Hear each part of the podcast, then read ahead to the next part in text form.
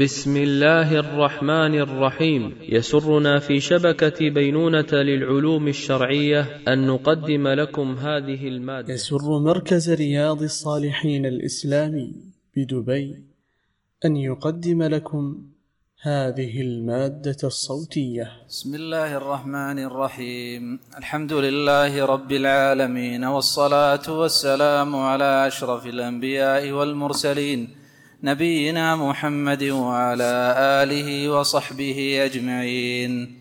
قال الحافظ المنذري رحمه الله تعالى دعاء الاستخارة. وروى جابر رضي الله عنه قال كان النبي صلى الله عليه وسلم يعلمنا الاستخارة في الأمور كلها كالسورة من القرآن إذا هم أحدكم بالأمر فليركع ركعتين ثم يقول اللهم إني أستخيرك بعلمك واستقدرك بقدرتك وأسألك من فضلك العظيم فإنك تقدر ولا أقدر وتعلم ولا أعلم وأنت علام الغيوب. اللهم إن كنت تعلم أن هذا الأمر خير لي في ديني ومعاشي وعاقبة أمري أو قال في عاجل أمري وآجله فاقدره لي وإن كنت تعلم أن هذا الأمر شر لي في ديني ومعاشي وعاقبة أمري أو قال في عاجل أمري وآجله فاصرفه عني واصرفني عنه واقدر لي الخير حيث كان ثم رضني به ويسمي حاجته انفرد به البخاري. إن الحمد لله نحمده ونستعينه ونستغفره ونعوذ بالله من شرور أنفسنا وسيئات أعمالنا. من يهده الله فلا مضل له ومن يضلل فلا هادي له وأشهد أن لا إله إلا الله وحده لا شريك له وأشهد أن نبينا محمدا عبده ورسوله صلى الله عليه وعلى آله وصحبه وسلم تسليما كثيرا. ثم أما بعد. فهذا الحديث الذي معنا معاشر الفضلاء هو حديث عظيم. من الأحاديث التي فيها تفويض الأمور لله عز وجل والاستعانة به وإظهار الفاقة والفقر التي عليها الإنسان وحاجته الشديدة إلى ربه ومولاه سبحانه وتعالى. إذ لولا ربه سبحانه وتعالى ما استقامت له أمور دنياه ولا أمور آخرته. فالعبد مهما كان فهو فقير ذليل محتاج إلى ربه سبحانه وتعالى الغني الحميد. فلذلك كان لهذا الدعاء ولهذا الحديث شأن عظيم عند أهل الإسلام وعند صحابة النبي صلى الله عليه وسلم. لذلك حينما ذكر جابر جابر رضي الله عنه هذا الأمر قال كان النبي صلى الله عليه وسلم يعلمنا الاستخارة في الأمور كما في الأمور كلها كالسورة من القرآن كالسورة من القرآن.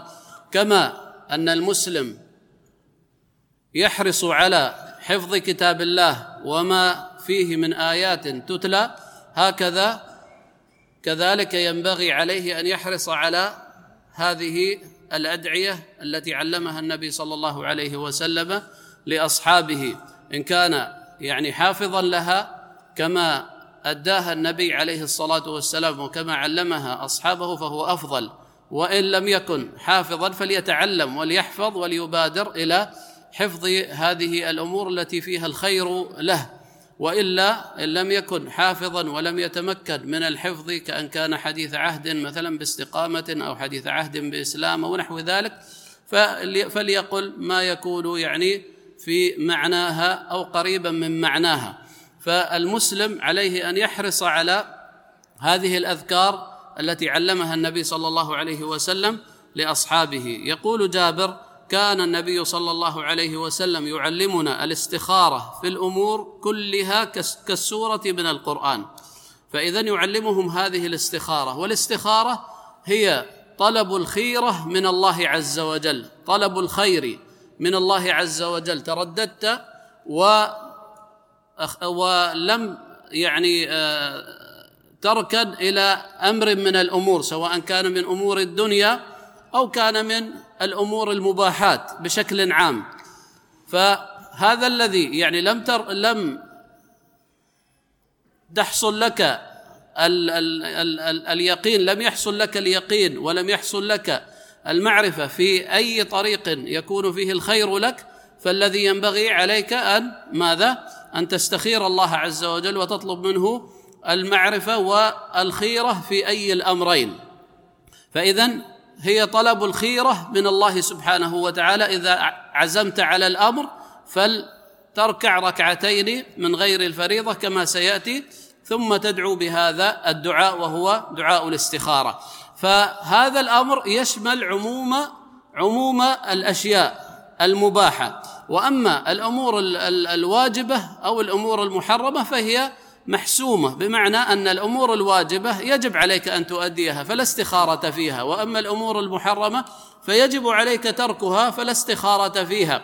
أما ما كان من قبيل المباح ومن قبيل الأمور التي يعني تتردد نفسك في إتيانها أو تركها فهنا يشرع لك ماذا؟ يشرع لك أن تأتي بهذه الاستخارة فهي تعم جميع الأشياء.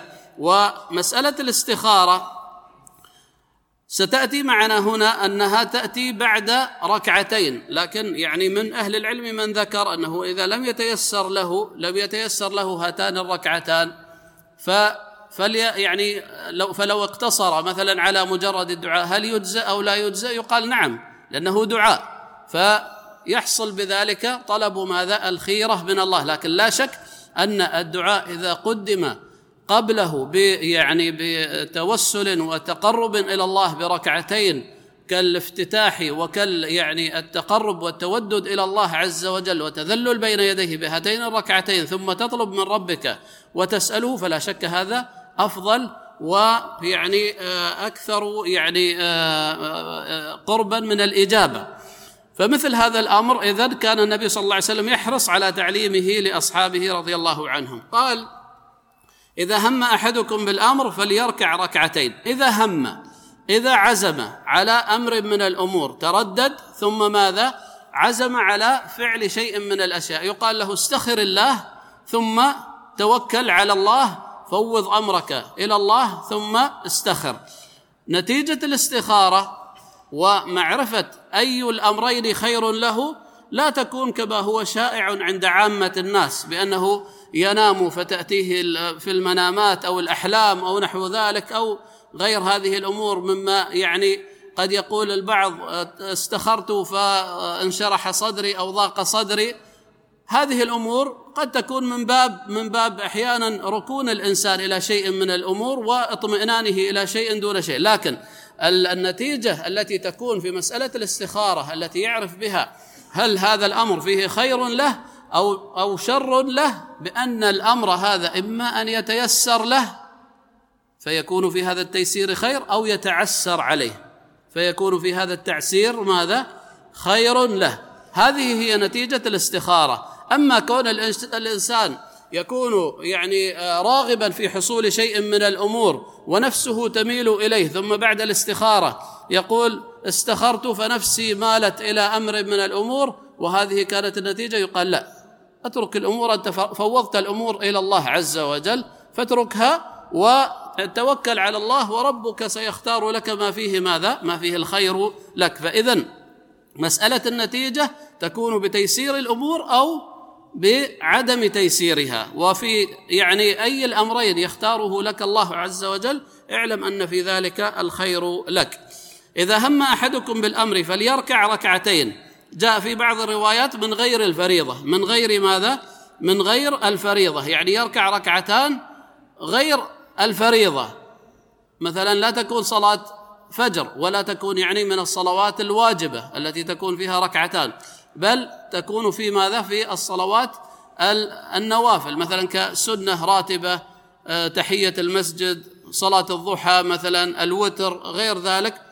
يعني حتى لو كانت الوتر آه، ركعة أو ثلاث فلا بأس كذلك أن تكون ماذا؟ أن يكون بعدها أن يكون بعدها الاستخارة لأنها يعني مما هو ليس من الفريضة. فاذا فليركع ركعتين.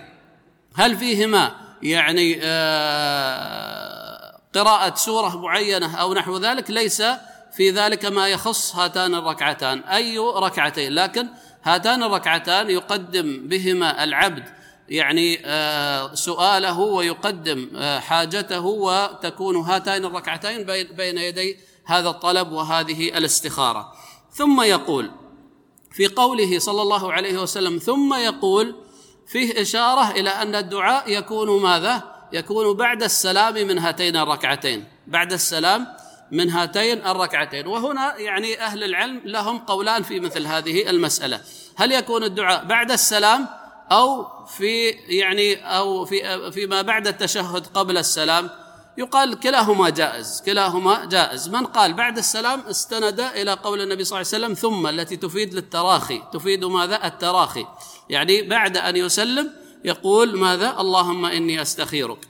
ومن أهل العلم من ذهب إلى أن الدعاء إنما يكون قبل السلام يقول الدعاء يكون بحضرة الملك وليس إذا خرج من عند من عند الملك. وكلاهما جائز. هذا جائز وهذا جائز ولا إشكال في يعني في الأمرين. ثم يقول اللهم إني أستخيرك بعلمك وأستقدرك بقدرتك وأسألك من فضلك العظيم. في هذه في هذا الذكر وفي هذا الطلب فيه ماذا؟ فيه طلب الخيرة من الله عز وجل، اللهم إني أستخيرك. يعني أسألك يا رب أن تختار لي ما هو الخير في هذين الأمرين؟ أنا ترددت في هذين الأمرين فاختر لي ماذا؟ فاختر لي أي الأمرين أفضل لي. أستخيرك بعلمك. توسل إلى الله سبحانه وتعالى بصفة عظيمة من صفاته وهي صفة العلم. فعلمه سبحانه وتعالى لا حدود له. علم ما كان وما يكون وما لم يكن. لو كان كيف يكون؟ كما يقول أهل العلم. فعلم الله سبحانه وتعالى علم واسع. فأنت تتوسل إلى الله سبحانه وتعالى بعلمه الذي يعني سيمن عليك بشيء من هذا العلم ويختار لك ماذا؟ ما هو الأفضل. لأنك لأن الإنسان ظلوم جهول. فقد يكون اختياره للشيء بناء على عواطفه وبناء على يعني ما يكون في ميول في قلبه. ولكن إذا استخار و توسل إلى الله عز وجل بهذه الصفة وهي صفة العلم فهو متوسل إلى الله عز وجل بصفة عظيمة سائلا الله عز وجل مظهرا جهله وفاقته إلى الله عز وجل. وأستقدرك بقدرتك. كذلك سؤال على أن يقدره الله سبحانه وتعالى ويمكنه من الفعل الذي يكون فيه الخير له وتوسل إلى الله عز وجل بقدرته. كذلك توسل إلى الله عز وجل بقدرته لأن الإنسان بطبيعته عاجز مفتقر إلى ربه عز وجل. ولولا قدرة الله عز وجل ولولا أن الله يشاء له أن يتحرك ويكون له كذا وكذا لما فعل وما أقدم على شيء. فهو فقير إلى ربه سبحانه وتعالى فيتوسل إلى الله بهذه الأسماء وبهذه الصفات بصفات العلم بصفة العلم وبصفة القدرة توسلا يظهر فيه فاقته وجهله وعجزه وحاجته إلى ربه ومولاه وهو حينما يستخير الله عز وجل ينبغي علينا معاشر الأحبة معاشر الفضلاء ينبغي على المسلم أن يحرك هذا القلب أن يكون هذا القلب حيا حينما يتكلم بمثل هذه الألفاظ لا يجريها على لسانه مجرد أمر اعتاد عليه. بل يتأمل في هذه الألفاظ وأنه يخاطب يخاطب الكريم سبحانه وأنه يخاطب ربه عز وجل ملك الملوك سبحانه وتعالى الذي إذا شاء أعطاك وهو الذي بيده مقادير كل شيء وهو الذي بيده مفاتيح كل شيء وهو الذي يملك كل شيء سبحانه وتعالى وهو الذي إذا أراد شيئا فتحه عليك وإذا أراد شيئا أغلقه عليك وهو الذي خلقك وهو الذي رزقك وهو الذي أنعم عليك سبحانه وتعالى. فإذا سألت الله عز وجل فاستحضر هذه المعاني. استحضر عظمة الله عز وجل. استحضر عظيم فضل الله سبحانه وتعالى. ما عليك ما كنت شيئا مذكورا. كيف خلقك؟ وأكرمك.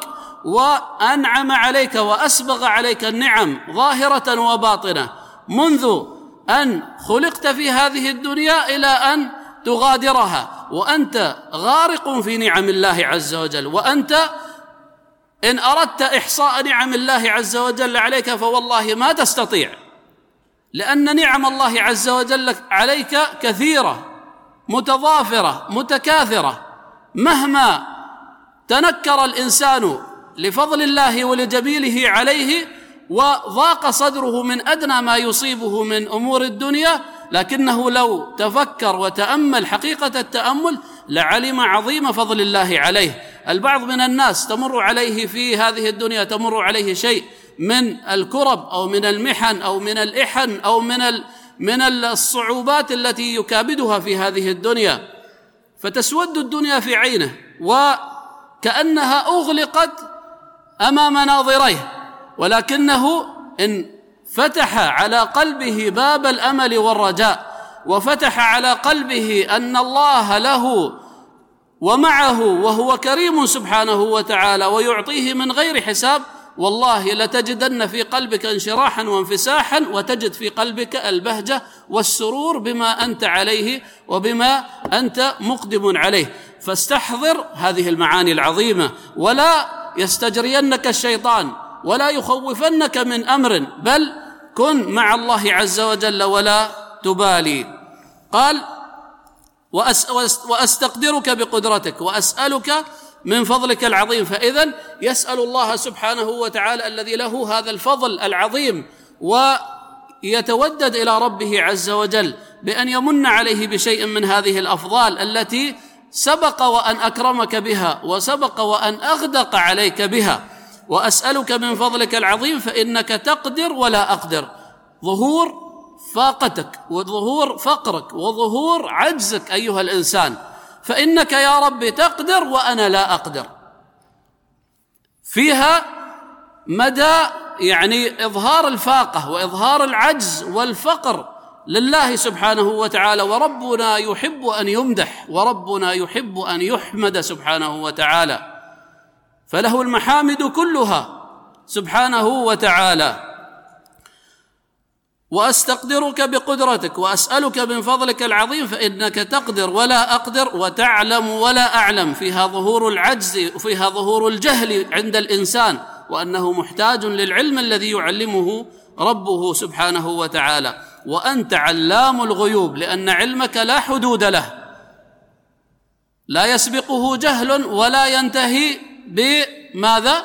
ولا ينتهي ب يعني بنهاية وإنما علم الله عز وجل ماذا؟ علم لا حدود له وعلم شامل كامل كما أن صفاته وأسماءه سبحانه وتعالى كلها كاملة. اللهم إن كنت تعلم أن هذا الأمر خير لي في ديني ومعاشي وعاقبة أمري ويسمي هذا الأمر اللهم إن كنت تعلم أن مثلا شرائي للشيء الفلاني أن زواجي من المرأة الفلانية أو المرأة زواجي من فلان أو الرجل أن هذا الأمر مثلا في سفري في هذا المكان أو دخولي في هذه الجامعة أو اختياري لهذا الاختيار أي أمر من أمور حياتك وشؤونك. فتستخير الله عز وجل فيه. إن كنت تعلم أن هذا الأمر خير لي في ديني ومعاشي يعني في حياتي وعاقبة أمري أي ما سيؤوله إليه أمري سواء في نهايته أو في الآخرة.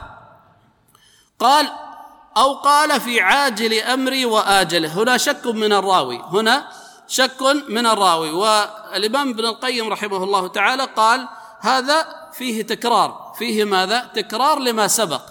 فالأصل أن يقول ماذا؟ اللهم إن كنت تعلم. أن هذا الأمر خير لي في ديني ومعاشي وعاقبة أمري فاقدره لي. واضح؟ لأن عاجل الأمر وآجله قد سبق أن ذكر. ديني وعاقبة أمري ديني ومعاشي وعاقبة أمري هو عاجل الأمر وآجله. فتكراره فذكره من باب التكرار كما ذكر ابن القيم رحمه الله تعالى. فلا داعي له لأنه شك من الراوي. فاقدره لي يعني يسره لي.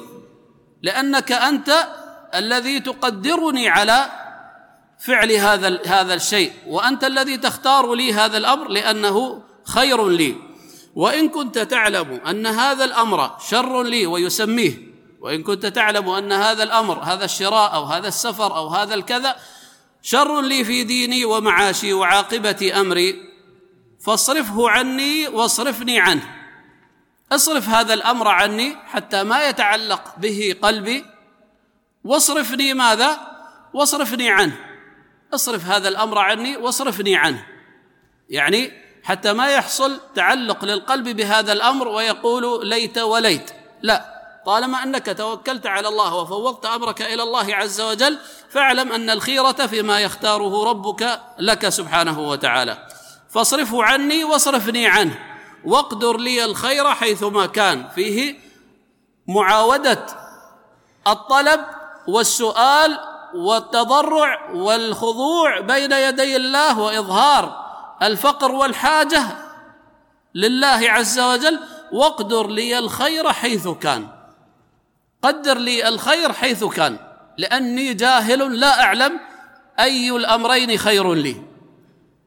واقدر واقدر لي الخير حيث كان ثم رضني به ثم رضني به. يعني تكون عند الإنسان مسألة الرضا القناعة التأمل فيما اختاره الله عز وجل له وليس الميول إلى إلى ما تهواه نفسك. لأن البعض من الناس قد تهوى نفسه امرا ثم يستخير فيحبس مثلا عن هذا الأمر. يستخير الله عز وجل في تجارة. في سفر في نحو ذلك. ثم يحبس عن هذا الشيء. فتمر عليه الأيام والليالي والشهور. فيقول ماذا؟ يقول كانت عندي فرصة أن أدخل في الموضوع الفلاني لكن للأسف ما فعلته. يقال له استخرت الله عز وجل؟ يقول نعم استخرت الله عز وجل. يقال له إذا ما رضيت ما رضيت باختيار الله عز وجل لك. لأنك لو رضيت باختيار الله عز وجل لك لما تفوهت بهذا الكلام.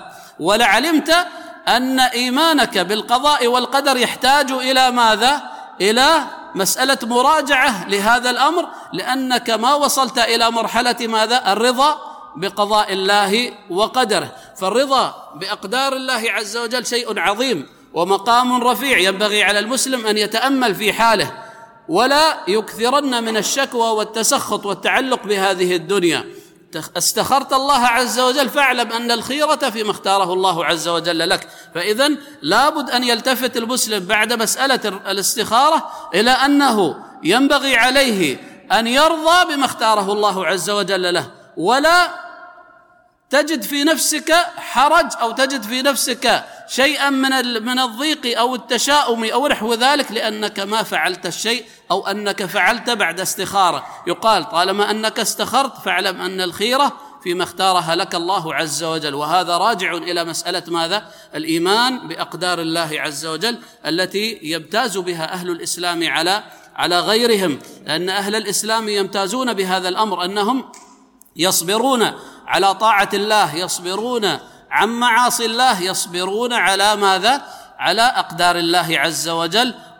وزيادة على مسألة الصبر تكون عندهم ماذا؟ يكون عندهم الرضا بقضاء الله وقدره. ويحمدون الله عز وجل في ما اختاره لهم. فلا وربك لا يؤمنون حتى يحكموك فيما شجر بينهم ثم لا يجدوا في أنفسهم حرجا مما قضيت. ويسلموا تسليما. اذا ثلاث مراتب ذكرها رب العالمين سبحانه وتعالى. فلا وربك لا يؤمنون نفى الإيمان حتى تتحقق هذه الأمور. وأدناها الذي سيذكر في الأول. فلا وربك لا يؤمنون حتى يحكموك فيما شجر بينهم. ثم لا يجدوا في أنفسهم حرجا مما قضيت. الأمر الثاني والأرفع درجة. لا يجد في نفسه حرج. مما قدره الله عز وجل عليه ثم لا يجدوا في أنفسهم حرجا مما مما لا يجدوا في أنفسهم حرجا مما مما قضي نسيتها نعم. ويسلموا تسليما فاذا التسليم في المرحلة الأخيرة والرتبة الأخيرة وأرفعها فهي ماذا؟ أرفع الرتب. ثم لا يجدوا في أنفسهم حرجا مما قضيت ويسلموا ماذا ويسلموا تسليما ويسلموا تسليما فاذا هذه المراتب الثلاث على المسلم أن يكون حريصا على أن يأتي بها فالرضا هي من المراتب من مراتب الكمل من الناس ومن مراتب الذين قد نالوا الرفعة والقدر العظيم عند الله عز وجل في ماذا؟ في مسألة الإيمان بأقدار الله بقضاء الله وقدره. خلاصة هذا الأمر أن الإيمان يعني أو دعاء الاستخارة هي مما امتاز به أهل الإسلام على سائر الملل والأديان التي سبقت والعرب في الجاهلية. كانوا إذا أرادوا فعل شيء أرادوا سفرا أو أرادوا فعل شيء استقسموا بالأزلام أو زجروا الطير. يزجرون الطير يرمون الطير فإذا طار يمينا قالوا هذا السفر سفر آه، فيه الخير. وإذا راح شمالا قالوا هذا السفر سفر مشؤوم وهكذا يستقسمون بالأزلام. وهذا الأمر نهاهم عنه رب العالمين ونهاهم عنه النبي صلى الله عليه وسلم وبين لهم أن الأمر إنما هو راجع إلى الله عز وجل. ولذلك شرع لهم هذا الدعاء الذي فيه ماذا؟ فيه تفويض الأمر إلى مدبر الأمور. وهو الذي سبحانه وتعالى بيده مقادير كل شيء ف يعطى سبحانه وتعالى ويرجع إليه في هذا الأمر الذي فيه الخير كله. وكما قال بعض أهل العلم ما خاب من استخار ولا ندم من استشار. فما حصلت الخيبة ابدا لمن استخار الله عز وجل ولا حصلت الندامة لمن استشار في أموره. نعم. قال رحمه الله تعالى الباب الثاني في الصيام فضل الصيام. روى أبو هريرة رضي الله عنه قال قال رسول الله صلى الله عليه وسلم قال الله عز وجل كل عمل ابن آدم له إلا الصيام فإنه لي وأنا أجزي به والصيام جنة فإذا كان يوم صوم أحدكم فلا يرفث ولا يصخب فإن سابه أحد أو قاتله فليقل فليقل إني صائم والذي نفس محمد بيده. لخلوف فم الصائم أطيب عند الله تعالى يوم القيامة من ريح المسك. وللصائم فرحتان يفرحهما إذا أفطر فرح بفطره وإذا, لق وإذا لقي ربه فرح بصومه. متفق عليه. وقوله فلا يرفث بضم الفاء وكسرها أي لا يأتي برفث الكلام وفحشه.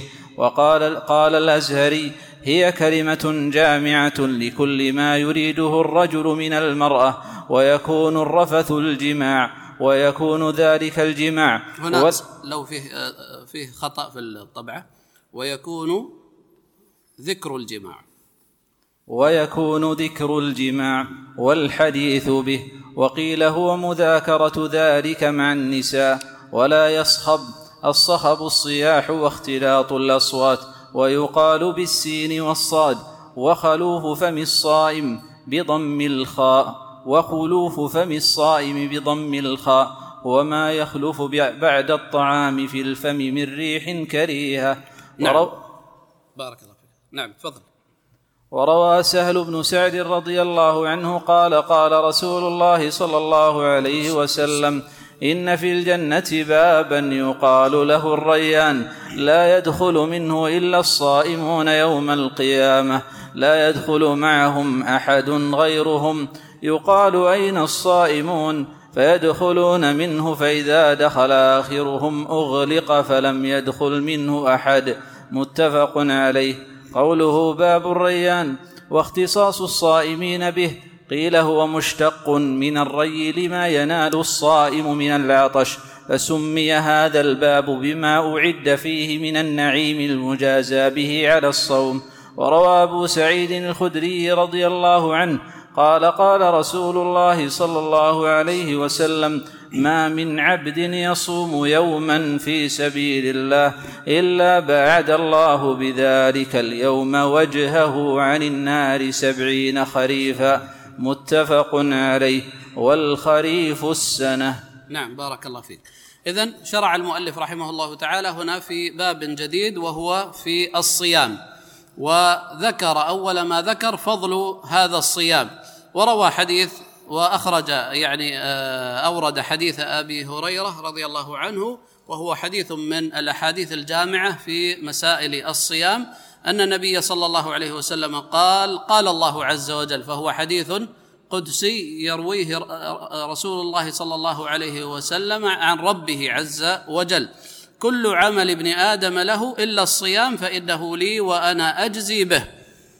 فما من عمل يقوم به الإنسان من الطاعات والأعمال الفاضلة فهو ماذا؟ مضاعف له مجزي عليه والحسنة بعشر أمثالها إلى سبعمائة ضعف إلا الصيام. فإنه لي يقول الله عز وجل فإنه لي وأنا أجزي به. وهذا يدلك على عظيم جزاء الصيام عظيم فضله فهو فضل من الكريم سبحانه وتعالى والكريم عز وجل إذا وعدك فأبشر بكل خير. لأنه في الأعمال الأخرى إذا ضوعفت فإنها تكون ماذا؟ الحسنة بعشر أمثالها إلى سبعمائة ضعف. وأما الصوم فإن أجره أعظم وأكبر من ذلك لأن الله عز وجل يقول فإنه لي وأنا أجزي به. فالله عز وجل حفظ لك هذا الأمر. وأهل العلم ذكروا يعني آه لعل ذلك أو لعل الحكمة في هذا أن الصيام فيه صبر فيه صبر على طاعة الله فيصبر المسلم ويمسك عن الطعام والشراب من طلوع الفجر إلى غروب الشمس طاعة لله عز وجل وفيه صبر عن معاصي الله عز وجل فلا يرفث ولا يصخب ولا يسب ولا يلعن ولا يتكلم بكلام فاحش أو بذيء حفظا لصومه فهو صائم عن معاصي الله عز وجل صابر عن معاصي الله وكذلك فيه صبر على أقدار الله التي قد يكون فيها شيء من المشقة على الإنسان. فلا شك أن الصيام فيه نوع مشقة بأن الإنسان اعتاد على أن يأكل ويشرب ولكنه يحبس هذه النفس عن الطعام ففيه نوع مشقة. وكما قال الله عز وجل إنما يوفى الصابرون أجرهم بغير حساب.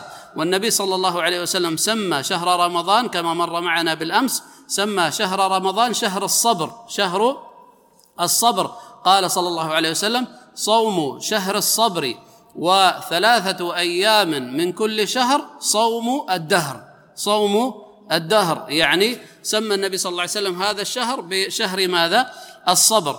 قال والصيام جنة أي وقاية. يقي الإنسان يقيه من النار يقيه من سخط الله يقيه ويبعده من ما يغضب الله عز وجل يقيه من الآفات يقيه من الآثام من الخطايا من الذنوب. لأن الصائم حريص على أن يكون صومه كاملا فيبتعد عن هذه الأمور التي فيها إنقاص صومه. قال فإذا كان يوم صوم أحدكم فلا يرفث ولا يصخب. وفسر الرفث بأن الرفث إما أن يكون ماذا هي كلمة قال جامعة لكل ما يريده الرجل من المرأة. أو قال هو أن يأتي بكلام فاحش. بكلام ماذا؟ فاحش. قال ويكون ذكر الجماع يعني وليس ذلك الجماع لأن الجماع لا يسمى لا يسمى رفث إنما الكلام في هذه الأمور هي من الرفث ويكون ذكر الجماع يعني يكون معناه ماذا ذكر الجماع ويكون الرفث الجماع كما يعني سبق هذا لا يعني لا يصح بل يقال إن ذكر الجماع ذكر الجماع والكلام في هذه الأمور هي من باب ماذا؟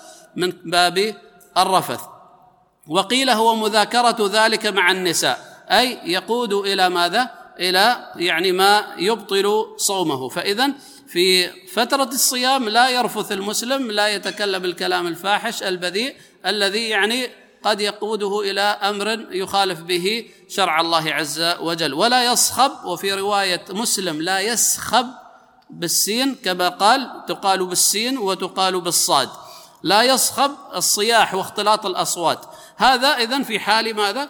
في حال الصيام. فإن سابه أحد أو قاتله فليقل إني صائم. هل يقولها سرا أو جهرا؟ على خلاف بين الفقهاء. على خلاف بين الفقهاء. من أهل العلم من قال الأفضل له أن يعني يحفظ صومه ولا يظهر ما هو عليه من طاعة من باب أن الأعمال الصالحة إنما هي تخفى عن الناس ولا ينبغي له أن يظهرها حتى لا يقع في رياء أو نحو ذلك.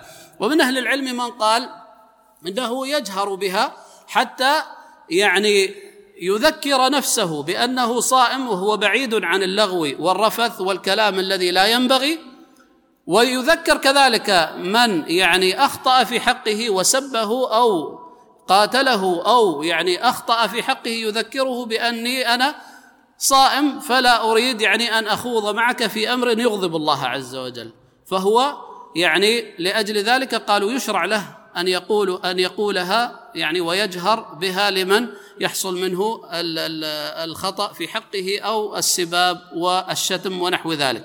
فاذا سواء قالها أو كتمها هذا وهذا يعني له وجه وله حظ من يعني الصحة.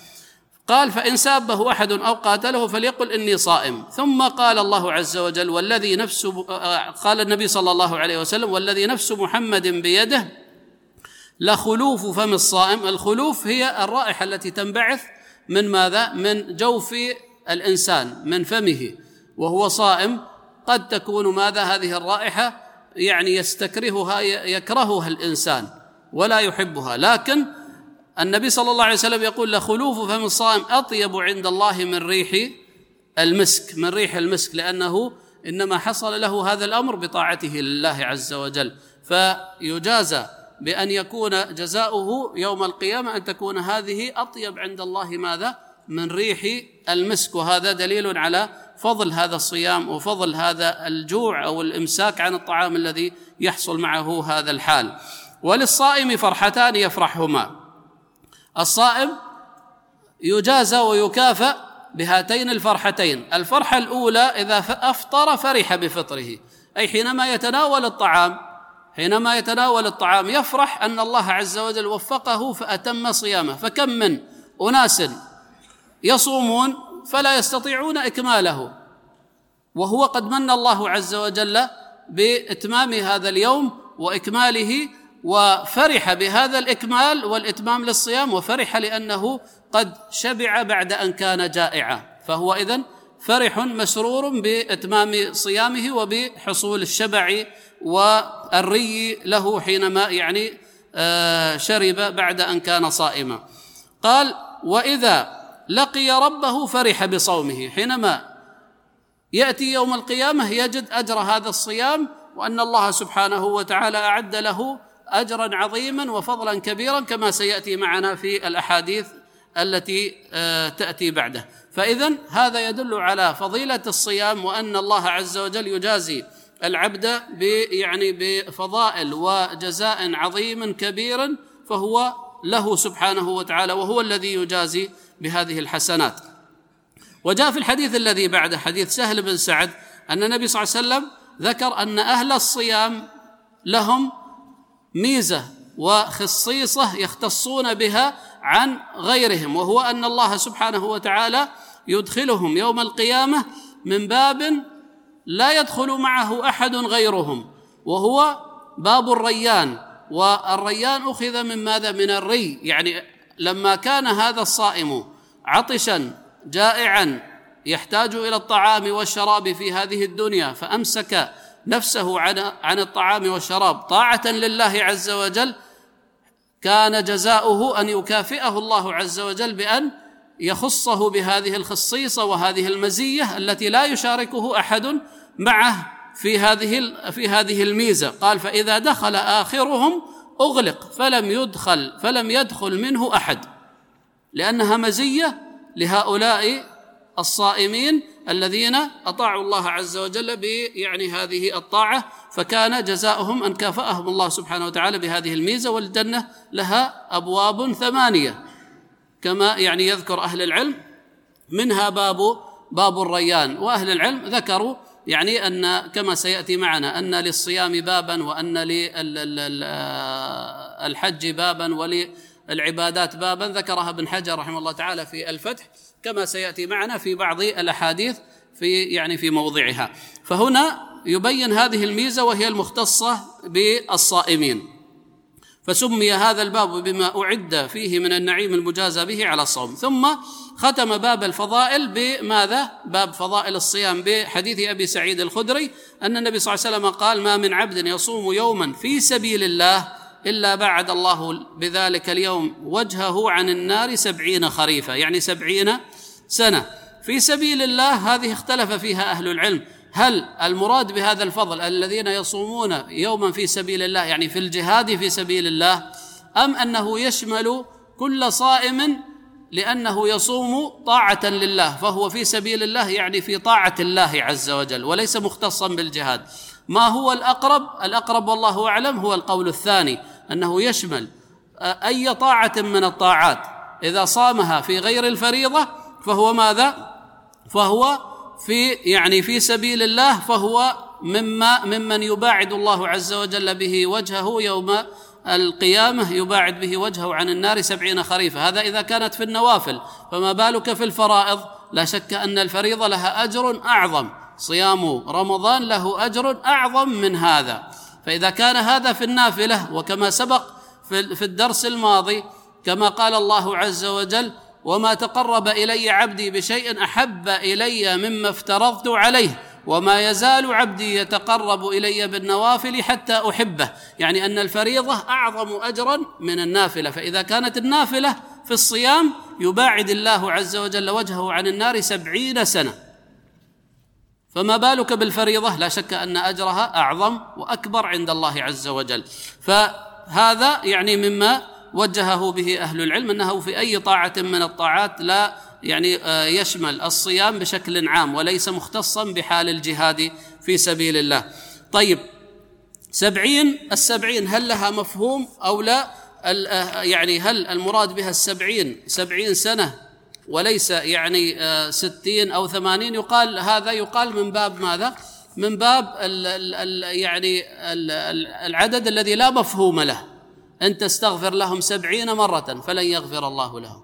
فهو عدد يعني لا مفهوم له يعني بمعنى الكثرة بمعنى الكثرة. يباعد الله عز وجل وجهه عن النار سبعين سنة يعني يباعد الله عز وجل وجهه عن النار بما لا يخطر في باله من البعد. وبالبعد العظيم عن عن النار وهذا من عظيم فضل الله عز وجل الذي يكرمه به يكرم به أهل الصيام. نعم. قال رحمه الله ما جاء في صوم المحرم روى أبو هريرة رضي الله عنه. قال قال رسول الله صلى الله عليه وسلم أفضل الصيام بعد شهر رمضان شهر الله المحرم انفرد, انفرد به مسلم. نعم ثم ذكر فضل الصيام في شهر الله المحرم الذي يكون في بداية العام من السنة الهجرية فهو من أفضل الشهور الذي يصام فيها ويستحب للمسلم أن يكثر من الصيام في هذا الشهر وهو شهر الله المحرم. سيأتي معنا ما يتعلق بشعبان لكن الحديث هنا يبين أن أفضلية الصيام بعد الفريضة من النوافل إنما يكون ماذا لأي شهر؟ يكون لشهر شهر الله المحرم فهو الذي له الأفضلية في الصيام. فيستحب للمسلم أن يكثر من الصيام في هذا الشهر ولا يعني ذلك أن يصوم الشهر كله لأن النبي صلى الله عليه وسلم ما صام شهرا كاملا كما قالت عائشة إلا ماذا؟ إلا رمضان إلا رمضان. يعني لا شعبان ولا المحرم لا لم يصمه النبي صلى الله عليه وسلم كاملا وإنما يستحب الإكثار الإكثار من الصيام في شهر المحرم. نعم. قال رحمه الله ما جاء في صيام عاشوراء. سئل عبد الله بن عباس رضي الله عنهما عن صيام يوم عاشوراء. فقال ما علمت أن رسول الله صلى الله عليه وسلم صام يوما يطلب فضله على الأيام إلا هذا اليوم يعني يوم عاشوراء ولا شهرا إلا هذا الشهر يعني رمضان متفق عليه. روى أبو قتادة الأنصاري رضي الله عنه أن رسول الله صلى الله عليه وسلم سئل عن صومه فذكر الحديث إلى قوله وسئل عن صوم يوم عاشوراء فقال يكفر السنة الماضية انفرد به مسلم. نعم ثم انتقل إلى مسألة صيام يوم عاشوراء. ويوم عاشوراء هو اليوم العاشر من شهر محرم هو اليوم الذي نجى الله عز وجل فيه موسى عليه الصلاة والسلام ومن معه من فرعون وقومه وأغرق هؤلاء الكافرين ونجى الله عز وجل موسى فصامه النبي صلى الله عليه وسلم وقال نحن أو أحق بموسى منهم أو أولى بموسى منهم فصامه النبي صلى الله عليه وسلم وأمر بصيامه وكان في بداية الإسلام صياما واجبا صياما واجبا ثم أبدل النبي صلى الله عليه وسلم بالوجوب برمضان وصار صيام يوم عاشوراء صياما ماذا؟ مستحبا. والصحابه رضي الله عنهم صاموا مع النبي صلى الله عليه وسلم. يوم عاشوراء من أدرك صام ومن لم يعني آه، يبلغه الحديث لما كان واجبا أرسل النبي صلى الله عليه وسلم من يبلغهم فصاموا في في أثناء النهار. أمسكوا عن عن الطعام والشراب في أثناء النهار لأنه ما بلغهم إلا في ذلك في ذلك الوقت. ثم بعد ذلك فرض رمضان وصار صيام عاشوراء صياما ماذا؟ صياما مستحبا لكن هنا ابن عباس رضي الله عنه يقول ما علمت أن رسول الله صلى الله عليه وسلم صام يوما يطلب فضله يعني يرى أن له الفضل العظيم والأجر الكبير عند الله عز وجل مثل ماذا؟ مثل يوم عاشوراء فلذلك يدل هذا الأمر على عظم الفضل في الصيام في هذا اليوم وهو يوم عاشوراء ولا شهرا إلا شهر رمضان لأن هذا هو الشهر الذي اختصه الله عز وجل بالصيام. ثم ذكر آه، حديث أبي قتادة وسيأتي معنا يعني آه، بشكل أطول من هذا لكن هنا اقتصر على موضع الشاهد أنه سئل عن صومه صوم عاشوراء فقال ماذا؟ يكفر السنة الماضية يكفر السنة الماضيه أي أن صيام يوم عاشوراء يكفر ذنوب وخطايا السنة الماضية من الصغائر وليس من الكبائر كما ذكرنا لأن الكبائر تحتاج إلى توبة مستقلة. هنا في مثل هذا في مثل هذا الحديث صيام يوم عاشوراء يستحب للمسلم أن يصوم هذا اليوم وهو يوم عاشوراء. لكن النبي صلى الله عليه وسلم كذلك بين أن هناك مرتبة أعلى وهي أن يجمع بين التاسع والعاشر مخالفة لليهود مخالفة لليهود. قال لئن عشت إلى قابل يعني إلى السنة القادمة لأصومن التاسع والعاشر. من باب المخالفة لليهود حتى ما يكون في فعله مشابهة لهم. فلذلك يقال الأفضل والأكمل أن أن يكون الصيام ماذا؟ صيام التاسع مع العاشر. كذلك جاء عن عدد من سلف هذه الأمة أنهم استحبوا أن يصام التاسع والعاشر والحادي عشر.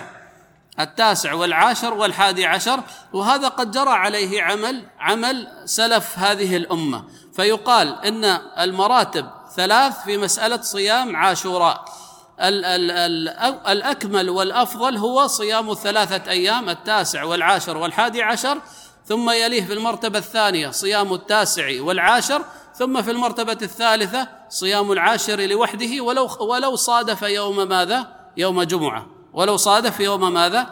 جمعة. فإنما يصوم المسلم لأجل أن يحصل هذا الفضل وليس لأجل أنه ماذا؟ يصوم يوم الجمعة. نعم.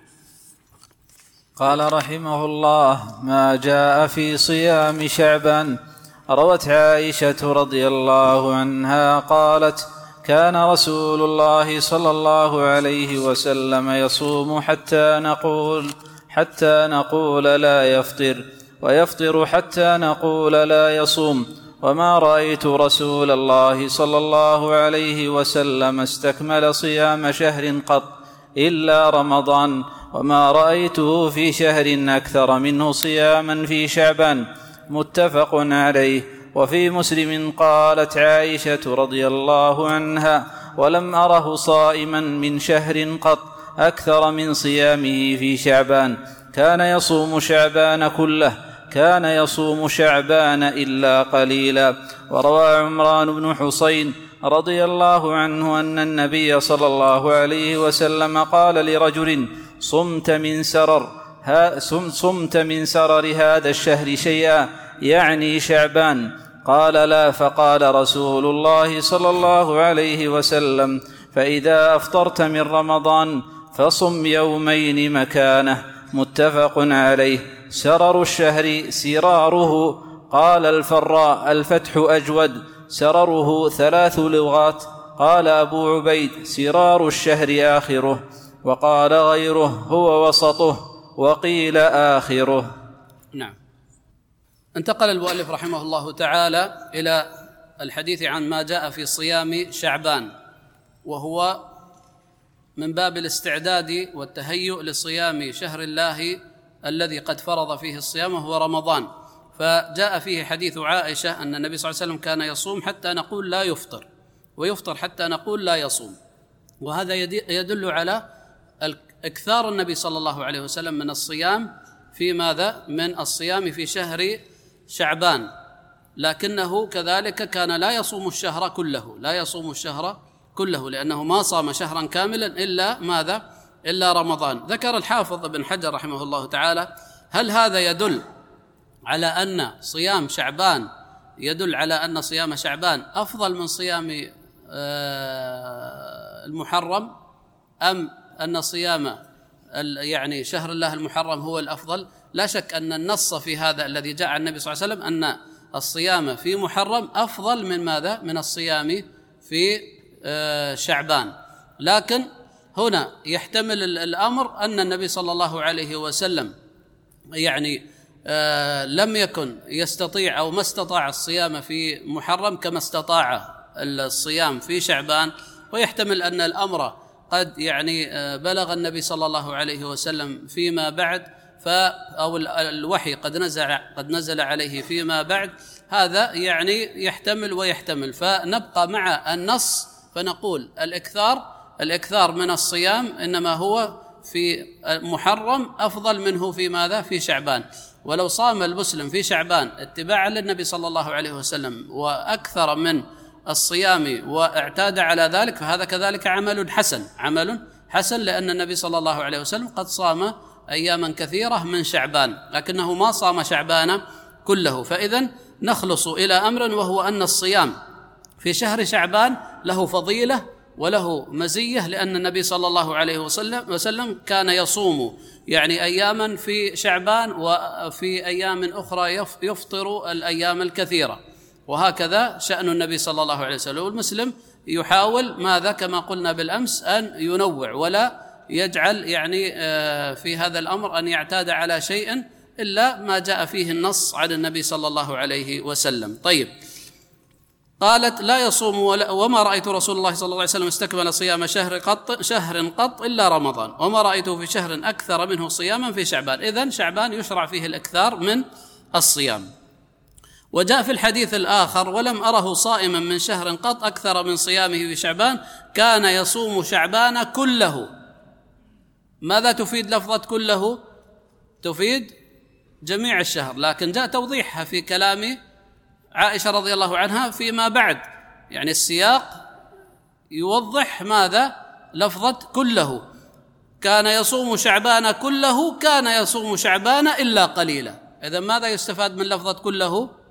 ليس الشهر كله ليس الشهر كله. وهذا الذي يقال فيه أن الكلمة يوضحها سياق اللفظ وسباقه. سياق اللفظ وسباقه. لا تأخذ الكلمة لوحدها بل انظر إلى السياق والسباق. يعني ما يسبقها وما يلحقها. هنا تتضح لك معنى كلمة كله في هذه الجملة. طيب. ثم أورد حديث عمران بن حسين أن النبي صلى الله عليه وسلم قال لرجل صمت من سرر هذا الشهر شيئا؟ يعني شعبان يعني هل صمت من آخر هذا الشهر وهو شهر شعبان هل صمت شيئا؟ فالرجل قال لا. فقال له رسول الله صلى الله عليه وسلم فإذا أفطرت من رمضان يعني بعد صيامك لرمضان صم يومين مكانه. صم يومين ماذا؟ مكانه. سرر الشهر شرحه فيما بعد سرر الشهر هو آخر آه، الشهر. يعني ليلة الثمانية وعشرين ليلة التاسع والعشرين ليلة الثلاثين. آخر الشهر يقال سرر الشهر يعني حينما يستتر القمر حينما يستتر القمر فيسمى سرر الشهر فهو آخر الشهر. طيب هذا الرجل هل صام آخر الشهر؟ قال لا. طيب قد يرد سؤال هنا هل يجوز صيام والتقدم على رمضان بيوم أو يومين؟ هل يجوز صيام يعني آخر شعبان ويوصله المسلم برمضان؟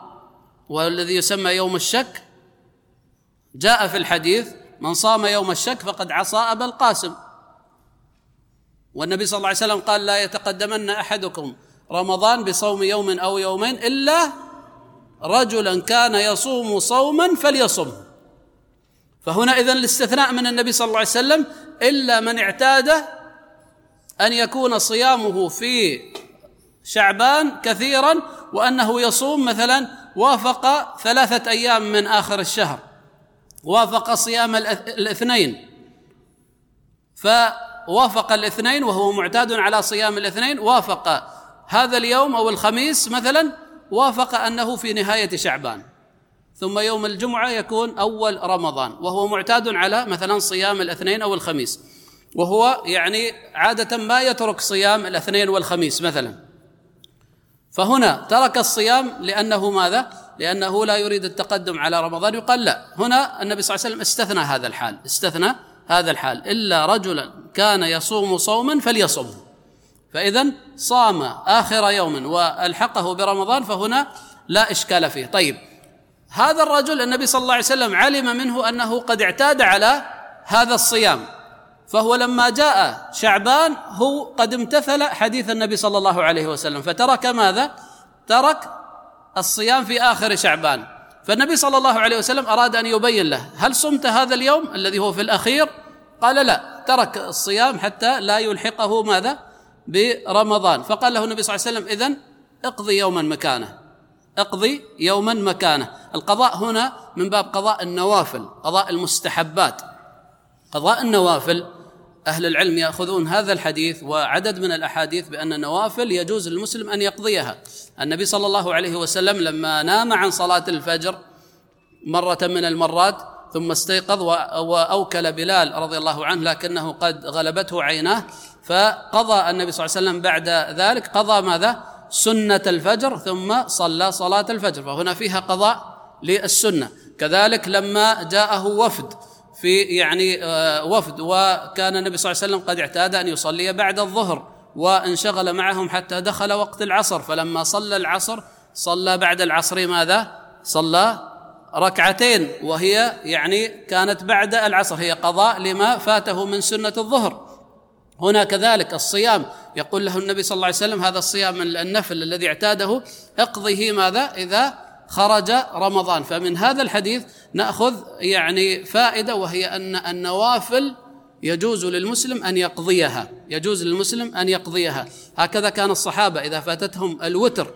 إذا فاتتهم صلاة الوتر قد يقضونها يعني قد يقضونها بين أذان الفجر وإقامة الفجر كما يعني جاء عن عن عائشة رضي الله عنها تقضيها ركعة واحدة في هذا الوقت. وقد يقضونها ماذا؟ يقضونها ركعتين ركعتين إذا كان بعد طلوع الشمس. هذا كذلك في شأن مثلا في شأن الوتر. فإذا النوافل يجوز المسلم أن يقضيها. فهذا الرجل اعتاد على هذا الصيام فما صامه لكن لما انتهى رمضان قال له النبي صلى الله عليه وسلم قال إذا يعني صمت رمضان وأفطرت فصم يومين مكانه يعني من باب من باب أنك اعتدت على هذا الصيام فتريد أن تقضي اقضي بعد رمضان. والله تعالى أعلم. نعم. قال رحمه الله ما جاء في صيام رمضان. روى أبو هريرة رضي الله عنه أن رسول الله صلى الله عليه وسلم قال إذا جاء رمضان فتحت أبواب الجنة وغلقت أبواب النار وصفدت الشياطين. متفق عليه. وقوله صفدت الشياطين أي غلقت وأوثقت وبإغلال الحديد. وروى أبو هريرة رضي الله عنه قال قال رسول الله صلى الله عليه وسلم من صام رمضان إيمانا واحتسابا غفر له ما تقدم من ذنبه نعم. متفق نعم. عليه ثم أورد ما يتعلق بصيام رمضان وكان الأولى أن يعني عادة المؤلفين أنهم يذكرون الفرائض ثم يتبعونها بالنوافل لكن المؤلف هنا والله أعلم راعى مسألة ترتيب الزمان ترتيب الزمان أن بعد شعبان يأتي رمضان ثم هكذا رتبها بحسب بحسب الشهور فأورد ما جاء من يعني فضل في صيام رمضان وهو أن رمضان إذا جاء فتحت أبواب الجنة الثمانية وهذا يدل على مزيد الخيرات التي تكون في ماذا؟ في رمضان. وغلقت أبواب النار وهذا يدل على عظيم رحمة الله عز وجل بالناس في هذا الشهر العظيم. وصفدت الشياطين صفدت يعني أوثقت وربطت وغلت بالأغلال بأغلال الحديد. لكن الكثير من الناس يقول طيب إذا كانت الشياطين قد صفدت في نهار رمضان أو في رمضان فلماذا نرى استمرار كثير من الناس على السيئات؟ يقال الشيطان أو المربوط أو المغل بالاغلال قد يصلك شيء من شره مع كونه ماذا؟ مع كونه مغلولا مربوطا. لكن لا يبلغ في الأذى مثل ما لو كان ماذا؟ مثل ما لو كان غير مقيد.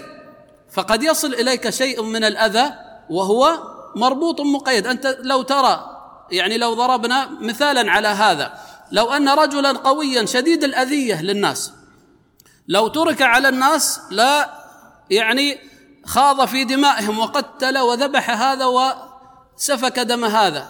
لكن قد يقيد ويربط وهو مع ربطه وتقييده لكن أذيته شديدة. فساده عظيم. فقد يؤذي أذية لكنها لا تصل إلى ماذا؟ إلى الأذية التي يكون بها ماذا؟ غير مقيد. كذلك هناك أعوان للشيطان.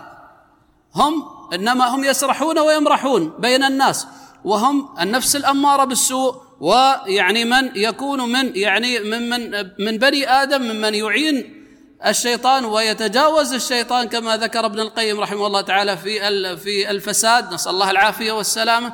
فمثل هؤلاء إنما هم يعني لم يربطوا ولم ولم يغلوا بالأغلال. فالعبرة من ذلك بأن الشر في رمضان يقل. وأنتم ترون هذا أنه حتى لو كان من الناس كمثلا تجد بعض النساء قد لا تهتم بالحجاب لا تهتم مثلا بالستر. لكن إذا جاء رمضان تجد أن جوانب الإيمان قد تغلب عليها فتحافظ على نفسها وتدخل شعيراتها التي تظهرها أمام الناس ولا تخاف من الله عز وجل في غير رمضان بل تتستر في رمضان وهذا أمر طيب لكن كذلك خذي من ماذا؟ خذي من رمضان درس وعبرة بأن يكون لك الستر ولك ويكون لك طلب العفاف وطلب البعد عن ما يغضب الله عز وجل في رمضان وفي غير رمضان. الخلاصة بأن ماذا؟ بأن في رمضان يقل الشر لأن الشياطين تصفد. طيب ثم جاء الحديث الآخر وهو أن من صام رمضان إيمانا واحتسابا غفر له ما تقدم من ذنبه فمن يعني صام هذا الشهر الشهر رمضان إيمانا مؤمنا بالله عز وجل وبما وعده به من من الفضائل العظيمة واحتسابا يحتسب الأجر عند الله عز وجل مهما حصل له من مشقة وتعب ونحو ذلك فإنما هو يحتسب هذا الأمر عند الله. غفر له ما تقدم ماذا؟ من ذنبه ولا شك أنه يراد به الصغائر. أما الكبائر فتحتاج إلى توبة مستقلة. نعم. قال رحمه الله ما جاء في صيام ستة أيام من شوال روى ابو أيوب الأنصاري رضي الله عنه أن رسول الله صلى الله عليه وسلم قال من صام رمضان ثم أتبعه ستا من شوال كان كصيام الدهر انفرد به مسلم. نعم وهنا ذكر ما يتعلق بفضل صيام شوال وهي الأيام الستة من شوال فهو يعني قد بين فيه النبي صلى الله عليه وسلم أن من صام رمضان شهر الصبر ثم أتبعه بستة أيام من شوال كان كصيام الدهر. صيام رمضان يعني بأنه كأنه صام ماذا؟ كأنه صام آه، الحسنة. قلنا بعشر أمثالها والستة أيام بستين يوما فكأنه صام ثلاثمائة وستين يوما. ثلاثمائة في يعني في رمضان والستين يوما في شهر شوال فكأنه صام الدهر يعني صام السنة كلها. هنا مسألة تكثر ويكثر السؤال عنها في صيام الست من شوال. هل يجوز يعني للمسلم أن يصوم أن يصوم يعني آه، إذا فاته خاصة النساء؟ ويكثر سؤالهن في مثل هذه الأمور. هل تصمن يعني القضاء من رمضان ثم بعد ذلك تصوم الست من شوال أم يجوز لها أن تقدم الست من شوال على على رمضان؟ يقال الأولى للمسلم أنه ينتهي من الفرائض. الأولى للمسلم أن ينتهي من الفرائض. لكن إن علمت المرأة أو علم الرجل أن كان عليه صيام كثير قد لا يدركه ويخرج يعني الشهر شهر شوال ولم ينل هذا الفضل. فهنا يقال لا بأس أن يقدم ماذا؟ أن يقدم صيام شوال وينتهي منه ثم بعد ذلك يقضي رمضان لأن قضاء رمضان فيه فيه متسع من الوقت. وعائشة رضي الله عنها كانت تقول كان يكون علي الصيام من رمضان فلا أقضيه إلا في شعبان. لا أقضيه إلا ماذا؟ في شعبان. يعني بعد مدة لمكان النبي صلى الله عليه وسلم مكانة النبي عليه الصلاة والسلام منها وحاجة النبي صلى الله عليه وسلم لها في يعني في هذه الأيام. وصحابة النبي صلى الله عليه وسلم كانوا يصومون ويصومون مثلا عاشوراء يصومون كما يعني سيأتي معنا كذلك يوم عرفة نحو هذه الأمور ويكون عليهم الصيام من رمضان. وهذا يبين لك أن المسألة المسألة والله أعلم كانت موجودة في السابق وإلا يعني آه، والناس والنساء كذلك على ما هم عليه سواء في زمن النبي صلى الله عليه وسلم أو ما بعد ذلك. فلم يعني يشدد النبي عليه الصلاة والسلام عليهم في هذه المسألة. فيقال إن الأصل أنه يعني يؤدي الفرائض لكن لو ضاق الوقت لا يقدم صيام شوال ثم بعد ذلك عندهم المتسع من الوقت في القضاء. نعم فيه وقت مكمل؟ أكمل يلا عشر قال رحمه الله ما جاء في العمل في عشر ذي الحجة؟ روى ابن عباس رضي الله عنهما قال قال رسول الله صلى الله عليه وسلم ما من أيام العمل الصالح العمل الصالح فيهن أحب إلى الله تعالى من هذه الأيام العشر. فقالوا يا رسول الله ولا الجهاد في سبيل الله تعالى. فقال رسول الله صلى الله عليه وسلم ولا الجهاد في سبيل الله تعالى. إلا رجل خرج بنفسه وماله فلم يرجع من ذلك بشيء. أخرجه البخاري. نعم وهنا ذكر ما يختص بصيام العشر من ذي الحجة وأنها الأيام الفاضلة أيام العشر من ذي الحجة. خير الأيام التي يعني تكون في العام خير الأيام هي أيام ماذا؟ أيام العشر من ذي الحجة لأن فيها يوم عرفة فهي أفضل الأيام أيام السنة على الإطلاق. فلذلك ذكر المؤلف رحمه الله تعالى كما هي عادة المؤلفين أنهم يستشهدون بهذا الحديث على فضيلة الصيام في العشر من ذي الحجة. كثير من من يعني من من يحب السنة أو يعني يريد التمسك بالسنة قد يقول إن الصيام في العشر من ذي الحجة ما ثبت عن النبي صلى الله عليه وسلم فيقال لي يعني لهذا المسلم عليه أن ينتبه لأمر وهو أن الدين يتمسك فيه بما جاء عن الله وعلى وما جاء عن رسول الله صلى الله عليه وسلم بفهم من؟ بفهم سلف هذه الأمة وسلف هذه الأمة قد ذهبوا إلى أن هذا الأمر يشرع فيه في هذه الأيام وفي هذه الأوقات يشرع فيه الصيام. فهذا الذي فهموه ونحن ندين الله عز وجل بما كانوا عليه فهم كانوا أقرب منا وأعلم منا بما أنزل الله سبحانه وتعالى على نبيه. فاذا يقال أن هذه الأيام العشر من ذي الحجة هي من الأيام الفاضلة التي يستحب الصيام فيها لأن الفضل فيها عظيم. ولا الجهاد في سبيل الله. قال ولا الجهاد إلا رجل خرج بنفسه وماله فلم يرجع من ذلك بشيء. نكتفي بهذا القدر ونسأل الله سبحانه وتعالى أن يبارك لنا ولكم فيما نتعلمه وما نقوله. إنه ولي ذلك والقادر عليه. وصلى الله وسلم وبارك على نبينا محمد وعلى آله وصحبه أجمعين. السؤال نرجعه إن شاء الله للدرس. للاستماع إلى الدروس المباشرة والمسجلة والمزيد من الصوتيات يرجى زيارة شبكة بينونة للعلوم الشرعية على الرابط بينونة دوت نت وجزاكم الله خيرا.